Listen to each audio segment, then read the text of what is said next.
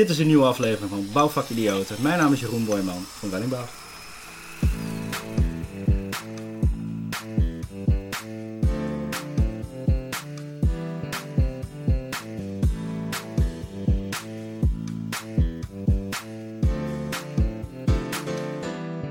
Hey, leuk dat je weer luistert of kijkt naar een nieuwe aflevering van Bouwvak Idioten. Ja, en dit keer ga ik in gesprek met Jeroen. Hey Jeroen, welkom. Dankjewel. Super tof dat je meedoet aan deze aflevering. Ja, leuk dat je me gevraagd hebt. Ja, zeker. Joh. Altijd hè, vakidioten. Maar vertel, wie ben je en wat doe je Jeroen? Uh, nou ja, ik ben dus Jeroen Boyman. Ik ben uh, projectmanager bij uh, bouwbedrijf Welling in Wiegen. ik ben vader van twee kindjes, Nora en Alek. Ik woon samen hier in de buurt van Nijmegen in Lent. En ja, ik ben een vakidioot. Oké, ja, dan maak je me eigenlijk al de, vraag, de volgende vraag voor de voeten weg. Want waarom vind jij jezelf een vakidioot, Jeroen? Waar blijkt dat uit? Nou, ooit in het verleden maak je een keuze om iets te gaan doen uh, nadat je van de basisschool afkomt. Uh, kom je in aanraking met de techniek. Het, het pakt je. Je vindt het mhm. leuk om iets met je handen te doen. En gaandeweg in je opleidingen en het vervolg kom je erachter dat het je echt, echt raakt en pakt. En je gaat ermee door en je gaat elke dag met plezier naar je werk. Dus uh, ik denk dat dat bepaalt dat je denk ik uh, stiekem een beetje een vakidioot bent. En als je het dan hebt uh, over, ik kom in aanraking met de techniek, hè, over wat voor een leeftijd heb je het dan in jouw geval? nou, dat was eigenlijk vrij vroeg dat ik bij mijn opa in de schuur al de dingetjes zelf mocht gaan, gaan knutselen en maken. maar toen ik echt naar de technische school ging, was ik een jaar of 13, 12, denk ik als ik terugtel, net naar de basisschool. Ja. En, en, en jouw tijd, uh, toen jij naar de technische school was, het toen nog LTS? Of hoe, hoe zat dat toen? Ja, ik heb daar uh, eigenlijk vier jaar lang een timmeropleiding gedaan, mm -hmm. uh, tot timmerman. toen kwam ik erachter dat ik eigenlijk nog wel iets meer wilde leren. En ik vond mezelf echt wel te jong om al bij een bouwbedrijf aan de slag te gaan. Mm -hmm. En ik ben naar de MTS gegaan. Dat heb ik ook vier jaar lang gedaan. En uiteindelijk dacht ik, nou, het studeren bevalt wel. Dus ik, ik heb daarna nog de HTS gedaan. Ja. En nog daarna twee jaar projectmanagement. Dus eigenlijk een hele groei gemaakt in, in opleiding en techniek. Ja, en als je het dan over vakidioot hebt, hè, dan, uh, dan stel ik me zo voor, dan doe je dat met passie. En wat is nou uh, het ding wat iedere dag bij jou uh, de moeite waard is om ja, met plezier op te staan? We hadden het er net al een beetje over. Als je 80% van je tijd gewoon lekker opstaat, dan doe je het volgens mij helemaal top. Ja. Wat maakt dat jij gewoon met plezier naar je werk kan gaan, Jeroen? Wat is belangrijk voor ja, jou? Het zijn eigenlijk twee dingen. Je, je werkt met mensen, je hebt mm -hmm. een opdrachtgever en je hebt kopers. Hè, als je het echt hebt over een project met, met koopwoningen. En voor die mensen maak je iets wat zij misschien één of twee keer in hun leven uh, misschien gaan doen. Wij hebben daar best wel veel tijd en energie aan de voorkant in zitten. En als je mm -hmm. dan aan de achterkant ziet dat mensen er blij mee zijn en dat het zo geworden is, dat ook aan de voorkant zo bedacht is, ja, dan word je er wel blij van. En ja. Dat, ja, dat, dat is leuk om met je team te doen. Ja, is eigenlijk creëer je blije mensen, als het heel kort ja, uh, in ja, de kern samenvatten. Ja, ja, zo ongeveer wel, ja. Ja, en dan heb je het over die kopers, hè. Maar hoe zorg je er dan voor dat je uh, in, je in je werksfeer, hè, want je hebt die rol, die taak, en je wil het ook leuk doen, hoe zorg je er dan voor dat het daar ook datzelfde gevoel opgeeft, waar je het net, of oplevert waar je het net over hebt? Um, ja, ik denk dat het is oog hebben voor je team. Um, we hebben met uh, techneuten te maken. Dat zijn soms niet de meest spraakzame mensen. Uh, je moet goed opletten of iedereen goed in zijn vel zit. Mm -hmm. uh, of hun werkbelasting in verhouding is tot wat ze aankunnen. En er moet gewoon een groepsgevoel zijn dat we met z'n allen aan het doen zijn. En dat moet je als uh, de rol waar ik in zit, als ik een project aanstuur, goed in de gaten houden. Dat je uh, niet alleen maar kijkt naar de productie die geleverd wordt, mm. wat, wat, jij als projectleider vraagt, want ja, er moet mm. een voortgang in zitten. Um, maar dat ook iedereen lekker in zijn vel zit. En, uh, en nog steeds maar ook hè, met die 80% van zijn tijd met een glimlach naar zijn ja, werk gaat. Ja, en vooral ook weer naar huis gaat. ja, dat is met name heel erg belangrijk. En uh, jij zegt net van ja, ik zorg er dan uh, in persoon met mijn team voor als verbindende factor dat er voor een project geldt. Maar hoe doet Welling dat dan bedrijfsbreed? Kun je daar wat meer over vertellen? Ja, we zijn onlangs gestart met, we hebben dan twee bedrijven eigenlijk. Hè. We hebben Wellingbouw hier in, in Wiegen en we zitten hier mm -hmm. bij Van der Water dan in toeval. dat is ook een vestiging wat eigendom is van directeur van Welling. Mm -hmm. met deze twee bedrijven zijn wij een duizend dagen traject ingegaan. Daar zijn we op zoek mm -hmm. naar wat zijn nu de waardes uh, wat vinden deze twee bedrijven nu belangrijk qua waardes en waar staan ze voor? Uh, dat zijn we met twaalf mensen aan het doen op een, ja, ik noem het even een hijsessie. Uh, maar ja. wel een hele lange, want het gaat duizend dagen duren. We zijn pas net begonnen, dus we zitten nog aan de voorkant mm -hmm. van het traject.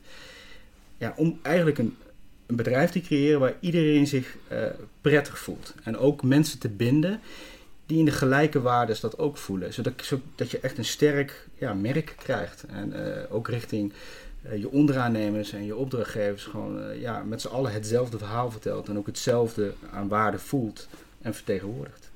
Ja, en het is dan ook mogelijk het doel dat je daar eigenlijk andere ervaringen mee creëert naar de toekomst toe voor de, voor, voor de mensen die deelnemen en dat hele uh, ja, team zijn, zeg maar. Hè? Want je zegt uh, net terecht ook, denk ik, onderaannemers. Ja. Want ja, dat zijn, ja, ze noemen dat altijd populair co-makers natuurlijk. Maar uiteindelijk zijn het wel mensen die gewoon uh, moeten kunnen intunen, minimaal op gelijkwaardig niveau, wat jouw verwachtingen zijn. Want dan, dan werk je naar mijn idee prettig samen, toch? Ja, nou ja, als, als we het over, over onderaannemers hebben dan, en of leveranciers. En bijvoorbeeld een kernwaarde die we, die we hier in het bedrijf heel erg belangrijk vinden is bijvoorbeeld afspraak is afspraak. Dus als wij aan de voorkant met een onderaannemer of leverancier een afspraak maken, ja, en wij willen onze kernwaarden vertegenwoordigen of willen daar ook een eh, rapport op hebben, zeg maar. Mhm. Ja, dan moeten wij die onderaannemer en leverancier zoeken die ook die kernwaarden heeft. Dus afspraak is afspraak. En je mag elkaar zeker op zaken aanspreken, maar met respect. Maar mhm. dan moet het wel binnen die kernwaardes, uh, die samenwerkingen zijn, ja. Ja, want wat levert uh, die kernwaarde afspraak is afspraak op dan? Uh, wat denk jij dan aan als dat geregeld is naar elkaar toe?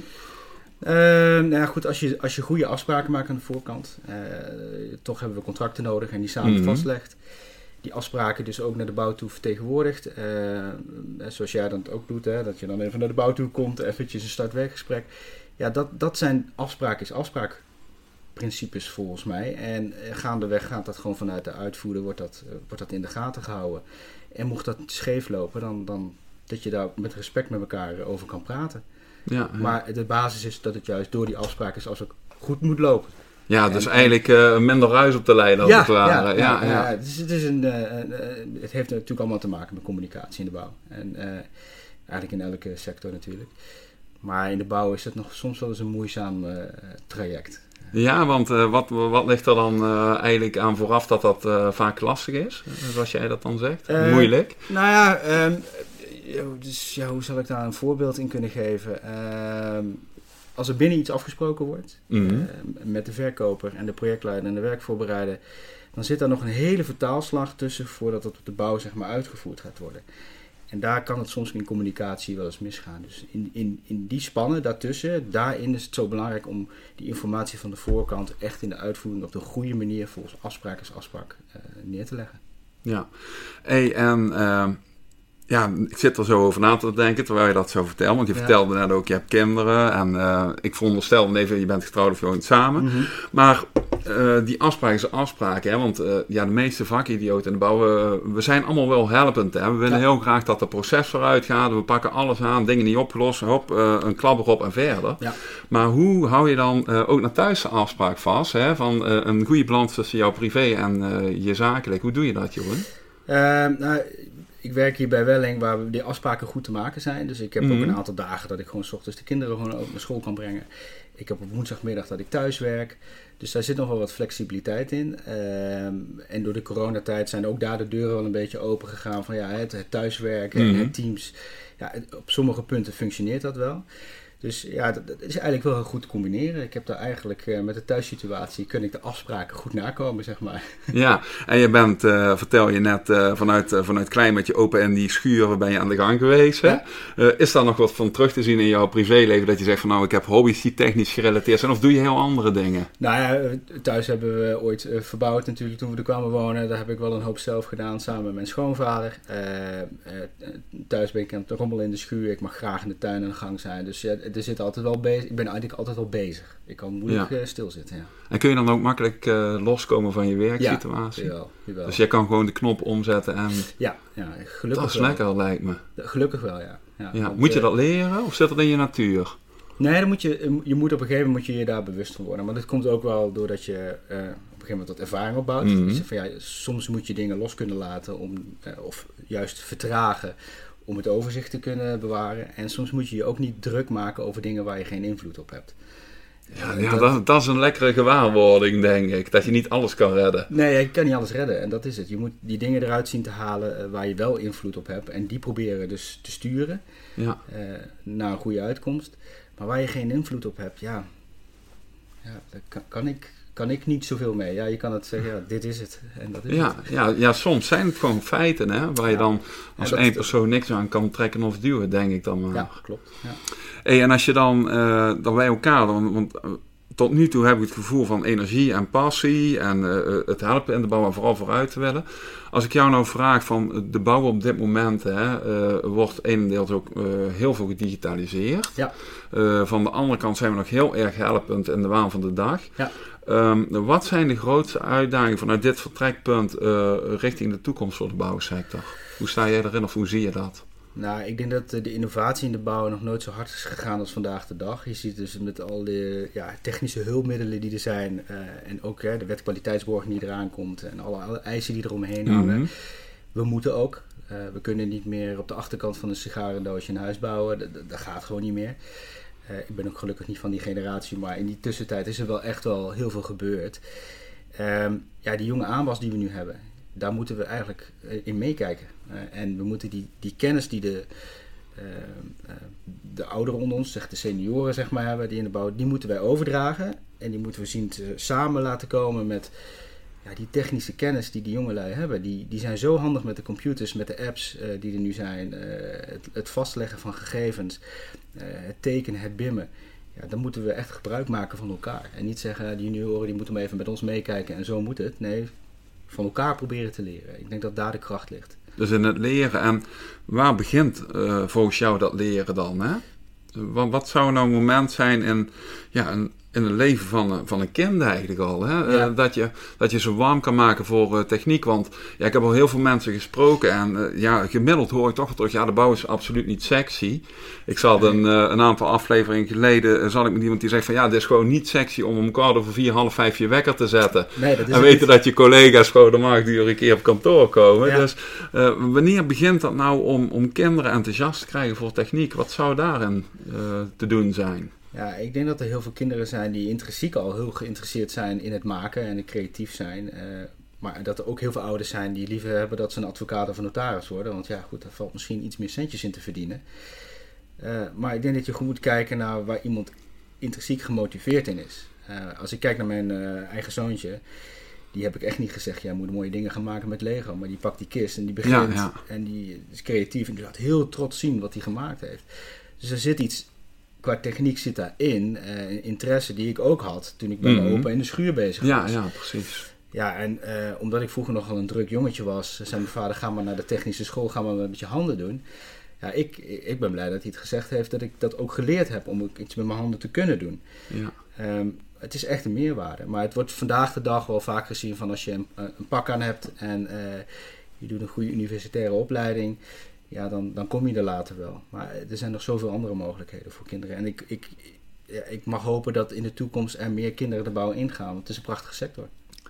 We hebben meer idioten nodig. Ja, inderdaad. Ja, dat is eigenlijk ook de reden dat we deze podcast Ja. zijn begonnen. Want ook daar is het, als je gaat googlen op podcast eh, bouwgerelateerd, ja, dan heb je echt letterlijk een handje vol. Dus ik Ja. hoor nou bewijs van al bij de top 5. En dat is eigenlijk raar als je bedenkt dat dit een heel mooie tool is om ook gewoon de mens achter zijn functie te Ja. laten zien. En zo ook gewoon ja, met elkaar verbinding proberen te zoeken, waardoor er uiteindelijk weer een netwerk ontstaat. Dus het is ook meteen een oproep trouwens om mee te gaan doen. Dus dankjewel daarvoor, Jeroen.